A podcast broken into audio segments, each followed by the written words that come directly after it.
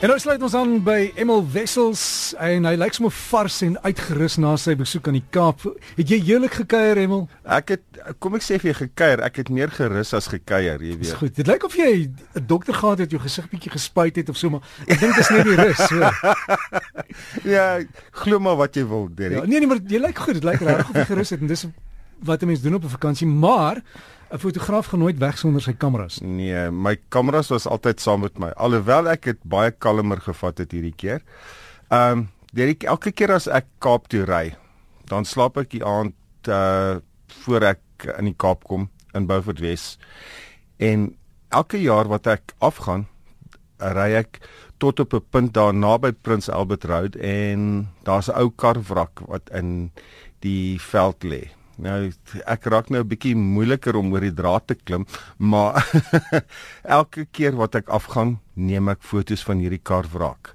En elke keer wat ek daar aankom, sien ek daar's goed wat gestroop is, daar's goed wat rondgeskuif is en ek ek uh, neem dit af en ek dokumenteer dit. En ek doen dit nou van hierdie spesifieke kar nou vir die afgelope 20, 25 jaar.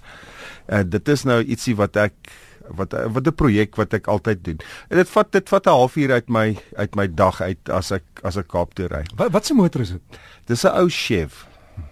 En uh weet jy in die jare wat ek afgegaan het, het ek nou al gesien, jy weet jy kyk na die ding en dink Hemel hierdie goed hierdie karre was daar maar mooi goed gebou en dit jy weet daai eyster is alhoewel dit geroes is en dit reën nie so baie in die, in die Karoo nie maar ons praat nou net van hoe mooi Karoo is. Ek het nou 'n paar landskappe geneem met hierdie kar in die voorgrond of deel van die landskap. 'n uh, Ander ding is net buitekant Kaapstad is daar 'n ou karwrak museum. En ek het per ongeluk so paar jaar elke keer as ek verbyry en dan sê ek ek maak 'n nota dat ek na hierdie plek toe moet gaan. Ek was nou al 'n paar paar keer nou daar en uh hierdie plek is omdat nou in in die Kaap is is al die ou wrakke geroes.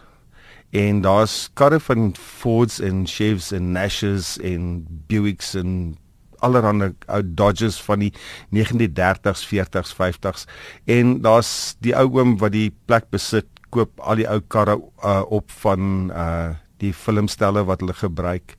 En daar's uh uit karre van byvoorbeeld uh elke 5 jaar se Mercedes'e wat hy daar het. En en dit is interessant. Na onderdak het hy 'n paar baie mooi karre maar moderne karre en jy weet soos hierdie Amerika uh, Amerikaanse muscle karre en dit. Maar elke keer wat ek sien toe gaan dan sien ek ook die plek gaan agteruit.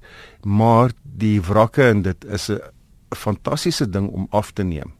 Vernaamlik met die roesklere en die teksture wat jy kry.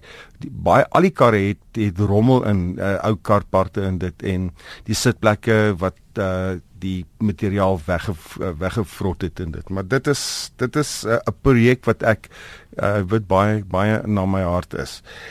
Dit die ander ding is wat ek wil sê is uh toe ek terugkom, toe ry ek al die pad toe slaap ek oor in Bloemfontein en ek is toe na die nasionale vroue monument toe gewees.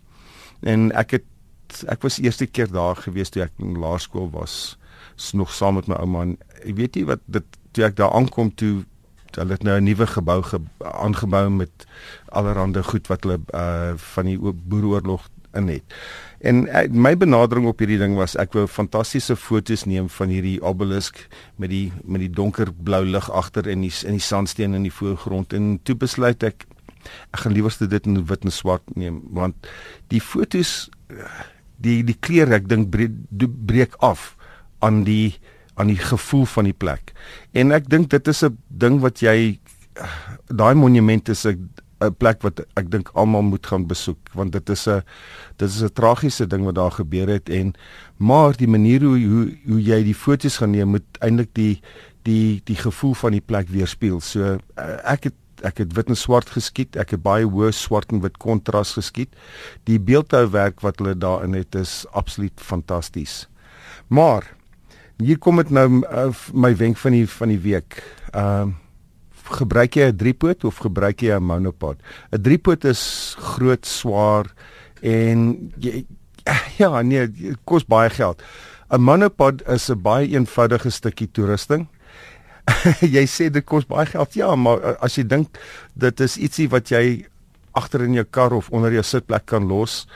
Uh 'n monopod is 'n ding wat baie handig is. Heel eerstens uh, jy kan teen uh laer sluiterspoed skiet. Dit wil sê jy kan 'n kleiner f-stop gebruik of jy kan teen laer lug gebruik skiet sonder om uh beweging te kry. Jy kan beweging kry natuurlik as jy links regs beweeg, maar dit is uh wat jy eintlik gaan verhoed jy jy gaan daarmee staan en konsentreer daarop. Die ding van 'n um, 'n monopod is dat jy jy jy sit jou kamera op die ding en jy jy stel hom tot op 'n hoogte waar jy waar jy gemaklik is. En dan van daar af dan gebruik jy jou lens.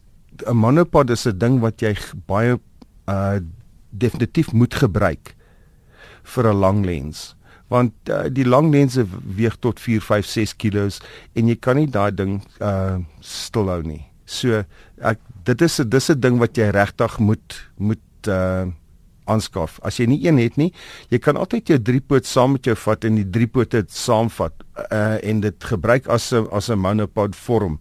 Maar 'n monopod is vat heel heel minder uh energie. En die ding is dat as jy hom uh, jou jou lang lens uh oor jou skouer sit, kan jy hom lekker maklik dra. En natuurlik uh ek hy's hy is 'n tradisionele wapen. en hy hy pas in jou tas as jy vlieg. Dis dis korrek. Ja. Ehm um, ek het altyd ek het altyd 'n driepoot in die kar en ek het altyd 'n monopod in die kar. Nou as ek byvoorbeeld as ek Egipte toe gaan, dan vat ek eh, 'n uh, baie klein driepoot, maar elke dag waar ek heen gaan, uh ek los die driepoot in die in die voertuig, maar die monopod uh is aan my kamera sak vas. So dit is 'n baie goedkoop manier om baie beter foto's te kry. Wel, moet baie dankie vir daai raad en as jy nie weet wat 'n monopod is nie, dis dis basies maar net 'n enkel stok wat wat hy kan uitskuif so jy kan sy lengte stel hmm. en hy kom in jou kamera vas so hy maak dit net makliker dat jy nie bewe as jy skiet nie en jy kry net beter foto's. Ja, Derek, die ding is dat as jy 'n monopod kry, moenie die een kry wat skraal is nie. Kry vir jou een wat stewig is. Ja, dit met 'n bietjie paar rand uit, koop 'n goeie een ja. en jy gaan vir baie jare gebruik. En net laastens uh, Joey Dannaser het gesê vra hulle het oudtydse skyfies wat hulle wil laat ontwikkel, waar kan hulle doen? Oudtydse skyfies of is dit seker die film? Die film. Daar's 'n plek, daar's 'n paar plekke wat nog dit doen. Die een is RGB Labs in uh Eastgate in Sandton. So, uh, maar net soek. Ja. Hulle sal jou e-pos en Ja, hulle kan my e-pos en dan kan ek kan ek met hulle reël. Emel baie dankie weer eens. Welkom terug na jou lekkeres. Dankie.